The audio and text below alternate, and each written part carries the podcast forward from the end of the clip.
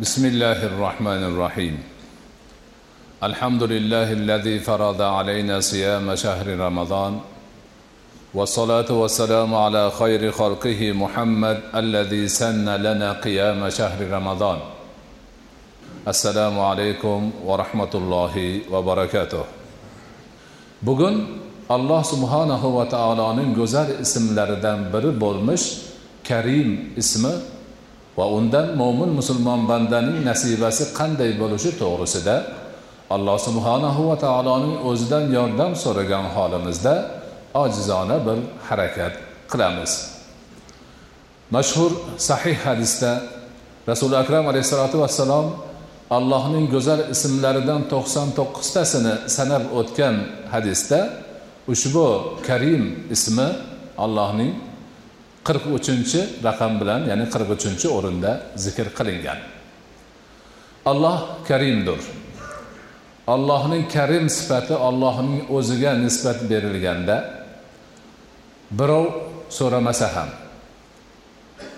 uni badaliga evaziga biror narsa kutilmagan bo'lsa ham o'z o'zidan karamini ehsonini yaxshiligini ko'plab beruvchi zot degani. Shu bilan birga yana shu ismning ma'nolaridan biri har qanday nuqsonlardan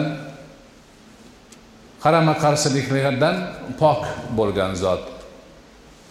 Yana bu ismni ma'nolaridan biri go'zal xulqlar yaxshi sifatlar karamlik ishlar sohibi degan ma'noni bildiradi. Albatta ollohning karim deyish bilan allohning maxluqi jumladan insonni karim deyishda orasida olloh bilan maxluqchalik farq bor. Ruhiy tarbiya ulamolari aytadilarki agar karim sifati bilan ollohning sifatlansa u zotni ehsoni inomini nomlangan bo'ladi. Agar karim sifati bilan bandani sifatlanadigan bo'lsa bandani yaxshi xulqi va ishlari nomlangan bo'ladi. Ana shu yaxshi xulq va ishlar yuzaga chiqib hayotga tatbiq qilinmaguncha mazkur bandani karim deb atab bo'lmaydi. Palonchi karamli zot ekan yoki o'zi maqtanib yuribdi man karimman mani xohishim shu man shuni o'rganganman deydiyu odamlar u ishni ko'rmayapti. Demak u odamni karim demaydi. Ana shu ehsonini qilsa karamini ko'rsatsa haloyiq undan manfaat olsa keyin shu sifatni unga nisbat berilar ekan. Karim so'zi karam degan mastardan olingan bo'lib buni turlanishlari ko'p ikrom akram. Va shunga o'xshash bir qancha ko'rinishlari bor. Allohning boshqa sifatlaridan farqli o'laroq karim sifati nafaqat inson zotiga balki hayvonotga va nabototga ham ishlatilar ekan. Karam so'zidan olingan bu so'zning asl ma'nosi yaxshiligi ko'p barakasi ko'p in'omi ko'p deb turib karim inson karim hayvon. Karim demak e, o'simlik deyish mumkin ekan. Karim hayvon deganda mahsuloti ko'p yomonlik chiqmaydigan hayvonlarni shu darajada atalar ekan. Daraxtlardan mevasi ko'p e, haligi kam mehnat talab qilib ko'p meva beradigan insonlarga ko'p manfaat beradigan mevasi ham bargi ham shoxi ham hammasi foydali bo'lgan daraxtlarni arablar karim deyishar ekan. Jumladan uzumni kurum deydi daraxtini. Arablar. Ana bu ya'ni karam so'zidan olingan turlanishlar juda ko'p narsalarga arab tilida ishlatilar ekan. Jumladan ikrom ya'ni hurmatlash ma'nosida ham ishlatiladi. Xuddi shu ishlatishlar aynan qur'oni karimni o'zida kelgan. أعوذ بالله من الشيطان الرجيم بسم الله الرحمن الرحيم قال الذي اشتراه في مصر لامرأته أكرمي مثواه yusuf alayhissalomni akalari karvondan o'tib ketayotgan savdogarlarga sotishib yuborganda savdogarlar olib borib misrda sotganda misrning azizi ya'ni vazir sotib oladi yusuf alayhissalomni sotib olib uyiga olib kelib xotiniga topshiradida akrimi masvahu buni oldimizda turishini ehtiromini qil. Yaxshi qara. Shoyatki keyin bizga manfaat bersa yoki buni biz o'zimiz o'g'il qilib olsak degan ma'noni aytadi. Mana shu yerda karam so'zidan olingan akrimiy ma'nosi hurmatini qil joyiga qo'y degan ma'noni bildiradi. Shuningdek qur'oni karimda arsh arshni ham karamlik sifati bilan sifatlangan. Robbul arshul karim. Alloh taolo karamlik arshning robbisidir. Ana arshni ham alloh taolo karim deb nomlayapti.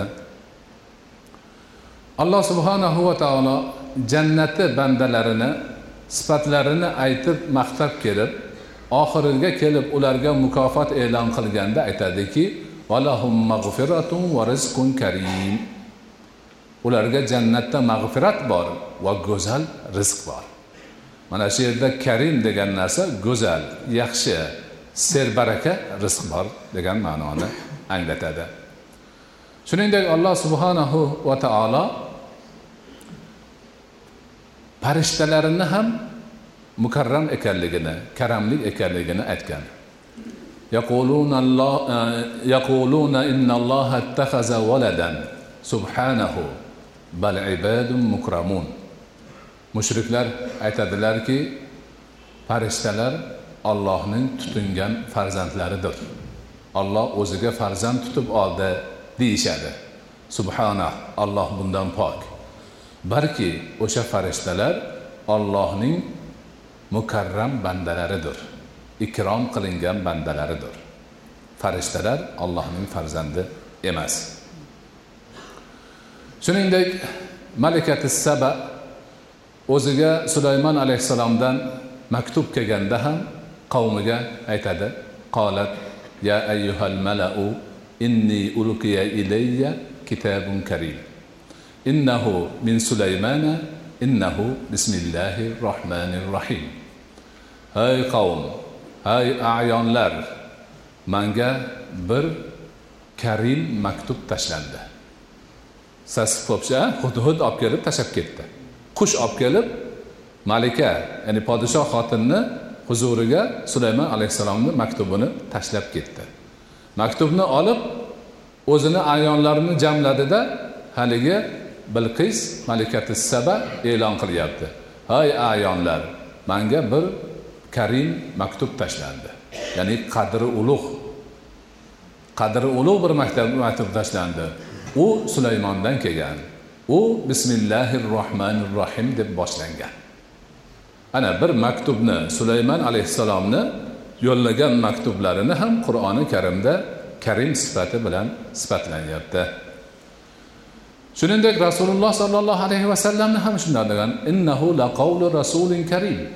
Qur'oni karimni sifatlab bu karamlik bir rasulni qavlidir ya'ni allohdan jibril alayhissalomdan orqali qabul qilib olgan aytayotgan qavlidir ana rasuli akram alayhissalotu vassalomni ham alloh taolo karim deb sifatlagan shuningdek qur'oni karimni ham. Innahu la qur'anun karim. Bu karamli qur'on ya'ni barakotli qur'on yaxshiligi ko'p qur'on qadri ulug' qur'on. Biz doim mana shu ism qur'oni karimni ismlarini ichida g'olib kelib ketgan boshqa ismlari ham ko'p. Hammamiz qur'oni karim qur'oni karim deymiz. Yozsak ham aytsak ham gapirsak ham qur'oni karim qur'oni karim. Qur'oni karimni karimligi nimada? Demak hayrotini ko'pligida inomini ko'pligida yaxshiligini ko'pligida barakotini ko'pligida bo'ladi. Ana mana shunga o'xshash e, karam lafzi bilan karam so'zi bilan karam demak karim sifati bilan alloh subhanahu va taoloning o'zi qur'oni karimda ko'plab narsalarni ho'p sifatlagan. Ana shu demak oyatlardan ikkitasiga alohida to'xtab o'tishni lozim ko'ramiz. Chunki bu yerda ana shu ikrom ma'nosi takrim ma'nosi insonni hurmatlash ma'nosi islom dinidagi demak e, falsafani hikmatni o'ziga jamlangan oyatlardan bo'ladi shulardan birida alloh subhanahu va taolo marhamat qilib aytadi auzu billahi minash shaytonir rojim bismillahir rohmanir rohim ولقد كرمنا بني آدم وحملناهم في البر والبحر وفضلناهم على كثير ممن خلقنا تفضيلا batahqiq deydi alloh taolo. Biz bani odamni mukarram qildik hurmatli qildik. Mukarram qilishimiz bilan birga ularni quruqlik va dengizda ko'tardik va o'zimiz xalq qilgan narsalarning barchasidan afzal qilib qo'ydik deydi alloh taolo. Ana mana shu yerda alloh subhanahu va taolo o'zining karim sifati bilan yer yuzidagi o'rinbosari bo'lmish inson zotini odam bolasini mukarram qilib qo'yganini butun dunyoga e'lon qilmoqda. Mukarram qilishi ana shu insonni yaratib unga jon berishi aql berishi boshqa to'la inson holiga keltirishi bilan birga quruqligu yerda ko'tarib qo'ydim deydi. Ya'ni quruqlikda insonni rosa osonlik bilan yurishini ta'minlab qo'ydi va uni og'irini yengil qiladigan uzoq masofalarni yaqin qiladigan markablarni yaratib qo'ydi. Bu markablar ot ulov ma'nosida bo'ladimi?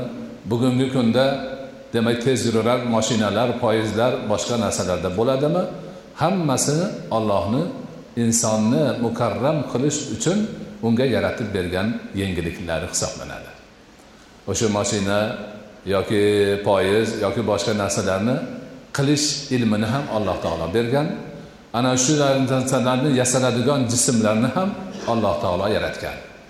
Alloh taolo yaratgan narsalarni alloh taolo bergan aql va hikmat bilan yuzaga keltirishi bu demak ollohni bergani bo'ladi. Shuningdek suvda ham dengizda ham ko'tarib qo'ydim deydi.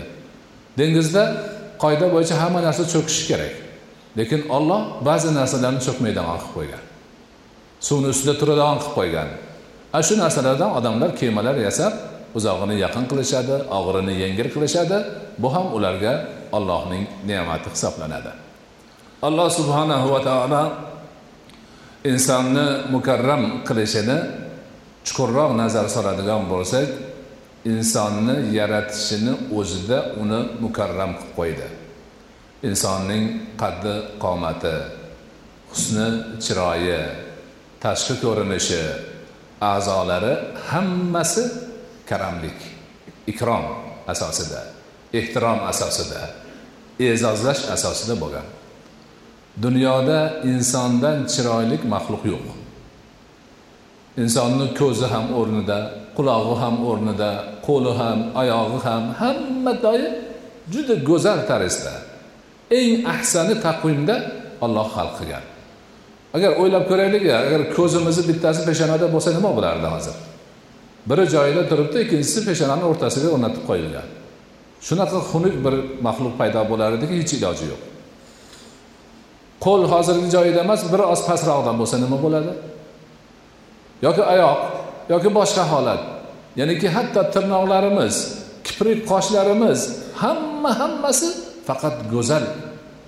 Insonni ikromi uchun insonni ehtiromi uchun insonni e'zozlash uchun insonni ulug'lash uchun alloh taolo tarafidan qilingan karam marhamatdan iboratdir.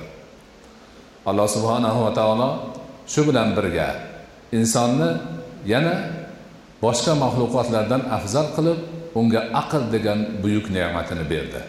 Bu ham insonni alloh taolo tarafidan ikrom qilinishidir. Ana shu aql degan buyuk ne'mat orqali inson o'ziga foydani jalb qiladi zararni daf qiladi va dunyodagi butun maxluqotlarni alloh taolo unga beminnat xizmatkor qilib qo'ygan shu aqli orqali ulardan foydalanib ularni o'zining xizmatida qoyimu doim bo'lish uchun choralarni topadi. Ana insonni aqli uni boshqa narsalardan ko'tarib turgan bo'lsa ham insonni yanada e'zozlash uchun yanada ikrom qilish uchun yanada ulug'lash uchun alloh subhanahu va taolo insonni aqlini peshlab turish uchun diniy ta'limotlarini yuborib turishni ham iroda qildi. Insonni ikromi uchun ulardan birini payg'ambar qilib tanlab olishni iroda qildi. Insonni ikromi uchun ularga ilohiy kitob tushirishni shariat joriy qilishni ikki dunyo baxt saodatini ta'minlovchi ta'limotlarini majmuasini yuborib turishni iroda qildi. Inson zotidan nabiylarni tanlab olinishi inson zotini ulug'lashni bir namunasidir. Inson zotiga ilohiy kitoblarni nozil qilinishi insonni allohning eng mukarram maxluqi ekanligini namunasidir. Ana alloh subhanahu va taolo mana shu tarzda yana o'sha oyatda pokiza narsalar bilan rizqlantirdik deydi. Insonni rizqi faqat pokdir. Boshqa maxluqotlar nima ko'rinsa yeb ketaveradi. Axlatnimi boshqa narsalarnimi farqi yo'q. Lekin insonga faqat pok faqat foydali faqat ehtiromli faqat yaxshi faqat go'zal narsalarni alloh rizq qilib beradi. Mana mana shu narsalarni hammasi insonni mukarram ekanligi aziz ekanligi ollohning maxluqatlari ichida eng afzal ekanligi. Bu yerda bani odam inson deyilyapti. Mujarrad inson bo'lsa shu ikromga sazovor u qaysi dinda bo'ladi qaysi millatda bo'ladi qaysi tilda gapiradi qaysi jinsda bo'ladi farqi yo'q. Odam nomi bo'lsa inson ismi bo'lsa mana shu ilohiy takrimga sazovor mana shu ilohiy ikromni egasi hisoblanadi. Va inson mana shu ikromga o'zini demak sazovorligini bilib shunday ikrom qilgan robbisini shukrini keltirish mas'uliyatida bo'ladi ikkinchi oyat alloh subhanahu va taoloni qur'oni karimdagi mashhur oyatlaridan bo'lib auzu billahi minash shaytonir rojim bismillahir rohmanir rohim ya ayyuhan nas inna xalaqnakum min zakarin va unsa وجعلناكم شعوبا وقبائل لتعارفوا إن أكرمكم عند الله أتقاكم inson zoti hammasi mukarram hammasi e'zozlangan avvalgi aytib o'tilgan endi o'sha mukarramlarni ichida mukarrami kim? Ulug'langanlarni ichida ulug'langan kim? Afzallarni afzali kim? Mana shu oyat belgilab beradi. Bu ham yana ey odamlar deyapti. Ey mo'minlar degani yo'q. Ey musulmonlar degani yo'q. Ey odamlar deyapti alloh taolo. Biz sizlarni bir erkak va ayoldan yaratib ko'paytirib qo'ydik.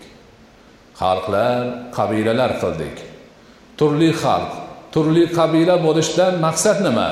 Bir biringiz bilan tanishish.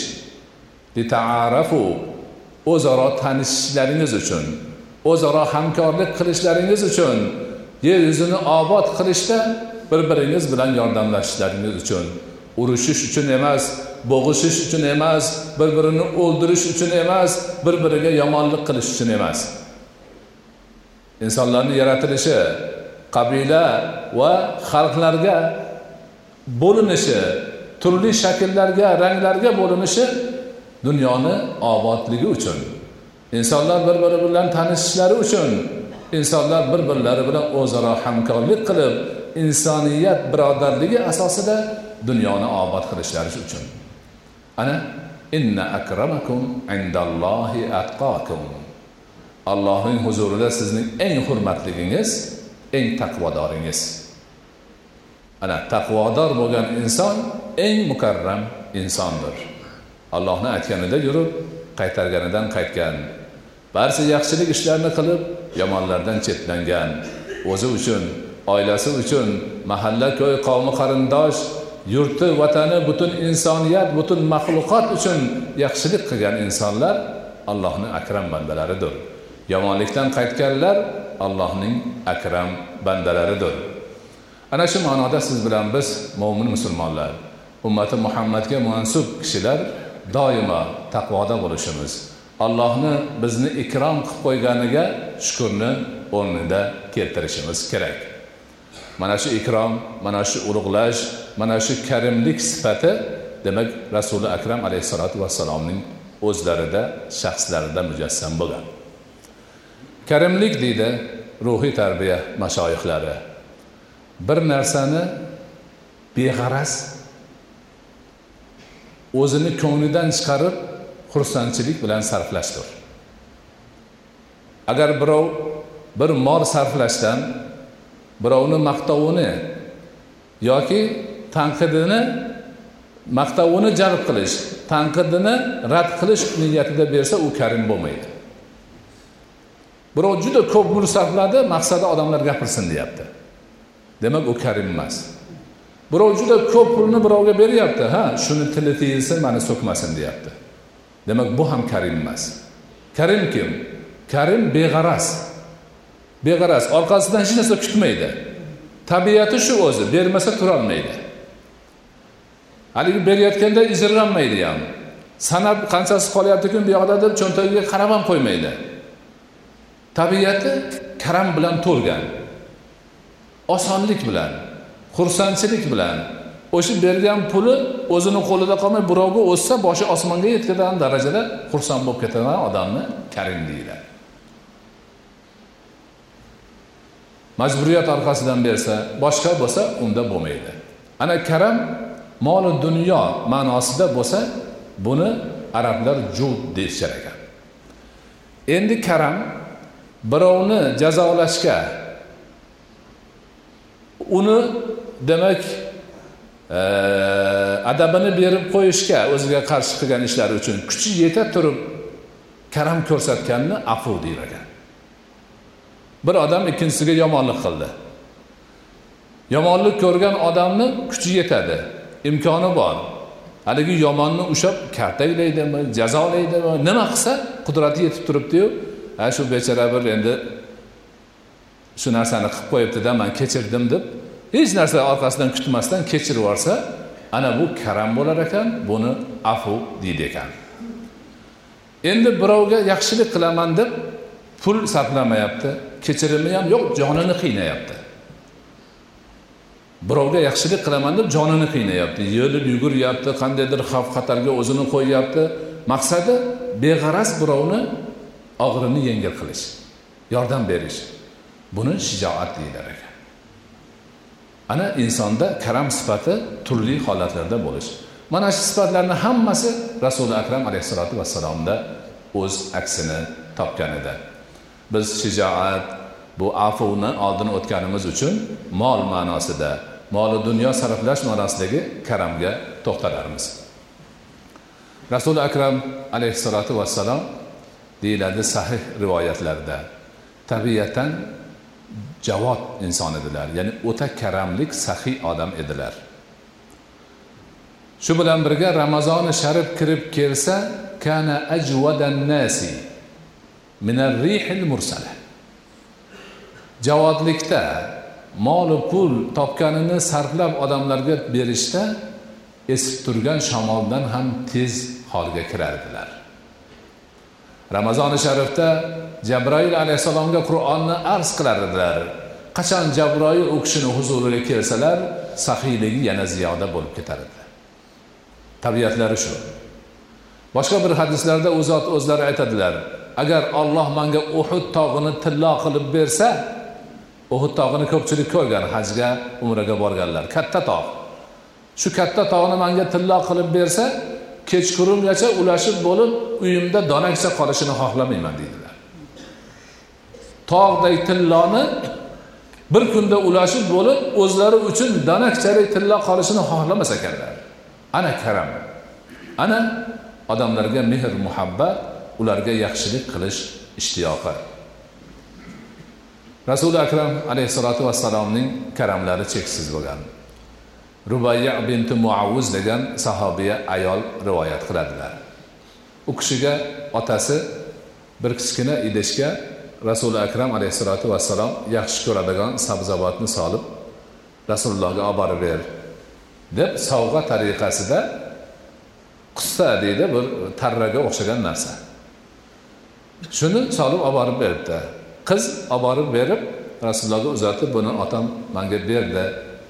Deb uzatgan ekan to'xta deb turib rasululloh hovuchlab mana shunday qilib deydi hovuchlab ikki hovuchlari to'la tilla taqinchoqlarni olib manga berdilar. Ikki uch dona tarrani demak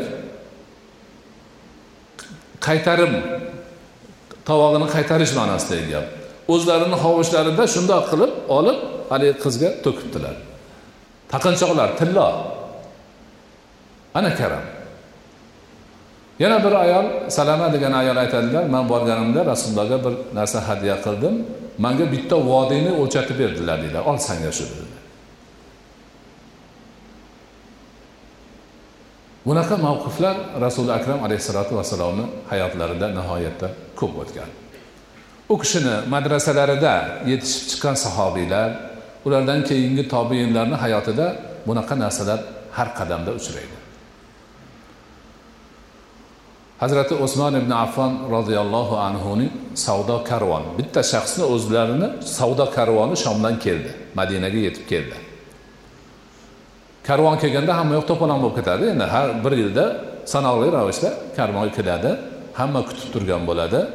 O'sha karvondan o'zini ma'lum muddat yarim yil unda bunda e, tirikchilik uchun kerakli narsani sotib olishi kerak.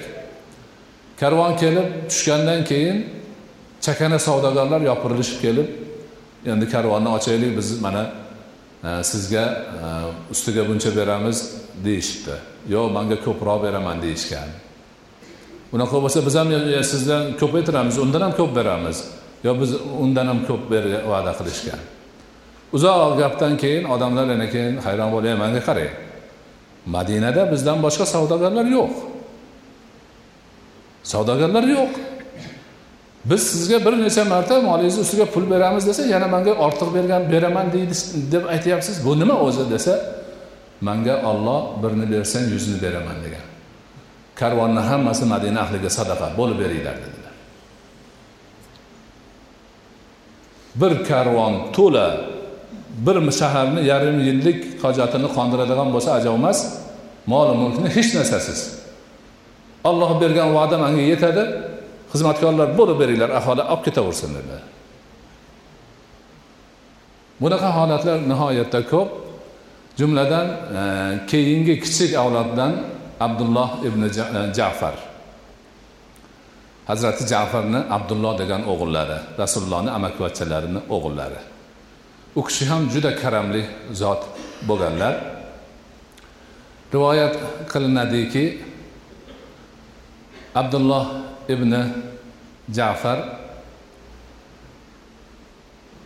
ulug' zot bo'lganlari uchun rasulullohni oli baytlaridan bo'lganlari uchun bir tarafdan xushomad bir tarafdan yana qandaydir bir g'arazlar bilan bo'lsa kerak. Yazid ibn moviya o'sha vaqtdagi davlatni boshlig'i sonsiz sanoqsiz katta bir hadyani abdulloh ibn jafar roziyallohu anhuga madina munavvaraga yuborgan ekanlar. U kishiga kirib shunaqa boshliqdan sizga buncha buncha muncha mol keldi ko'chada turibdi deganda ko'chaga chiqib odamlarni chaqiringlar deb hammasini bo'lib tarqatib o'zlari quruq uyga kirib ketgan ekanlar. Ko'rganlar aytadiki o'shuncha moldan birorta danakcha narsa abdulloh ibn jafarni uyiga kirmadi deydi.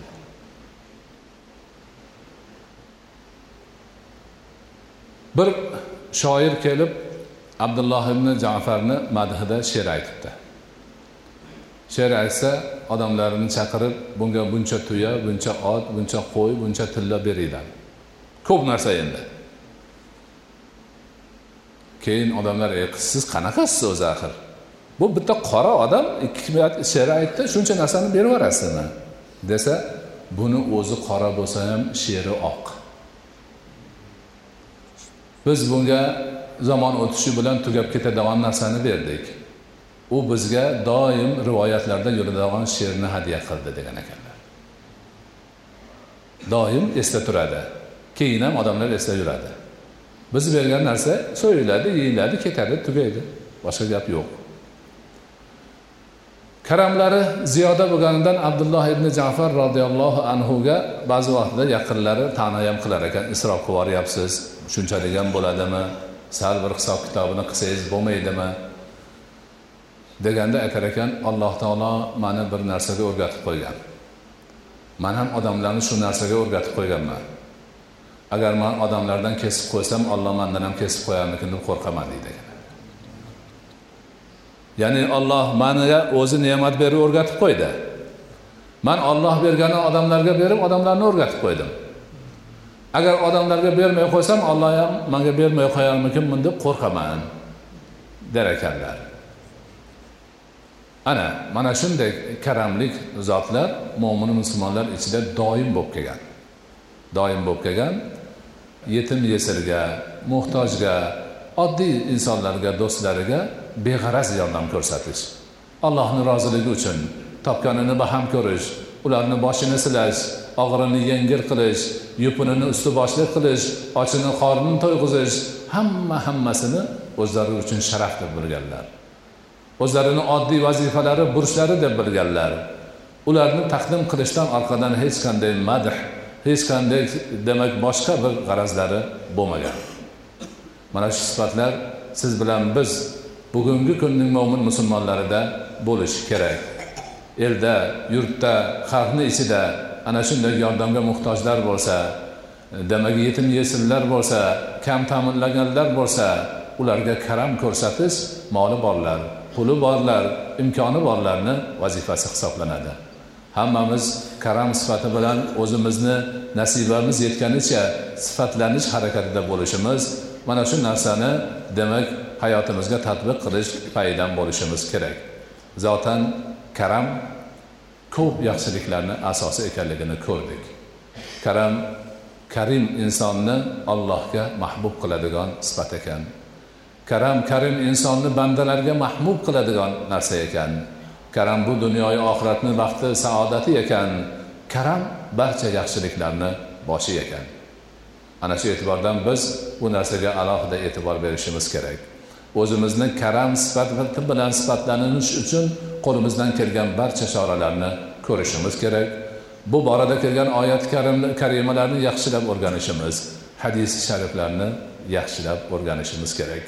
Rasuli akram alayhissalotu vassalomni karamni madhi to'g'risida karimlarni maqomi to'g'risida aytgan hadislari nihoyatda ko'p. Shulardan birida aytadilar innallohu tayyibun yuhibbut tayyiba innalloha nazifun yuhibbun nazofata innalloha karimun yuhibbul karam. Alloh xushholdir xushhollikni yaxshi ko'radir. Alloh pokizadir pokizalikni yaxshi ko'radir. Alloh karimdir karamlikni yaxshi ko'radir. Ana rasuli akram alayhissalotu vassalomni hadislarida shunga o'xshagan ma'nolar karamni ta'riflash karimlikni ulug'lash ma'nolari nihoyatda ko'p. Bularni o'qishimiz o'rganishimiz karam bilan mashhur bo'lgan zotlar azizlarimizni hayotidan namunalarni o'rganishimiz va o'zimiz bir birlarimizga aytib bu narsani yo'lga qo'yish harakatida bo'lishimiz kerak. Alloh subhanahu va taolo barchalarimizni o'zini karam sifatidan yetarli nasibador bo'lishimizni o'zi ta'minlagan bo'lsin.